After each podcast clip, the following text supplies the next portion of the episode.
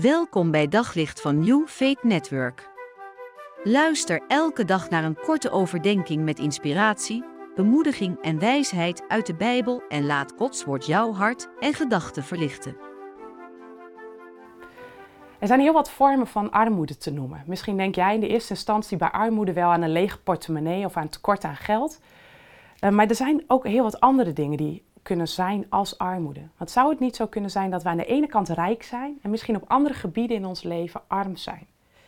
Zoals met die vrouw die twaalf jaar lang leed aan bloedverlies. En die haar hele vermogen heeft uitgegeven. Blijkbaar had ze genoeg geld. Haar hele vermogen heeft ze besteed aan artsen die haar beter zouden kunnen maken. Maar niets hielp. En ondertussen is ze sociaal arm, want ze is onrein omdat ze bloed vloeit. En ze, gaat naar Jezus toe en ze grijpt zijn mantel en dan merkt ze dat het bloeden stopt. En daar lezen we verder Lucas 8, vers 46 tot 48. Maar Jezus zei: Iemand heeft mij aangeraakt, want ik heb kracht uit me voelen wegstromen.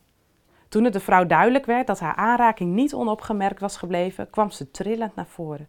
Ze viel voor hem neer en legde ten overstaan van de hele menigte uit waarom ze hem had aangeraakt en hoe ze meteen was genezen.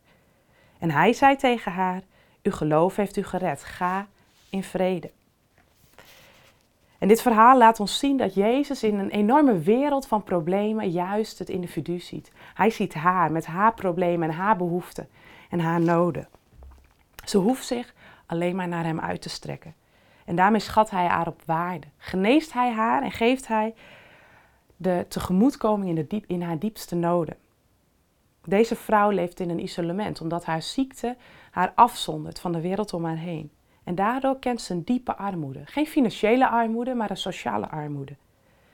En door de zondeval is het zo dat er gebrokenheid in onze wereld is ontstaan. Dat er een vorm van armoede is ontstaan.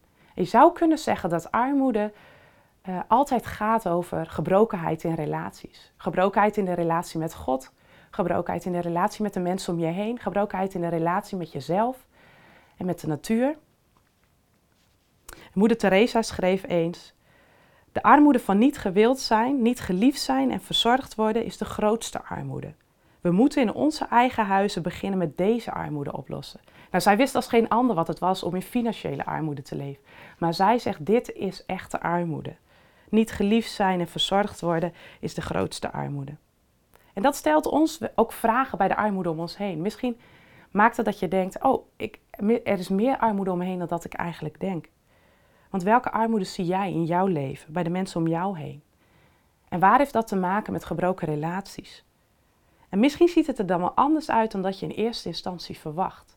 Misschien hebben die mensen geld genoeg, maar is er op een andere manier armoede. Geestelijke armoede.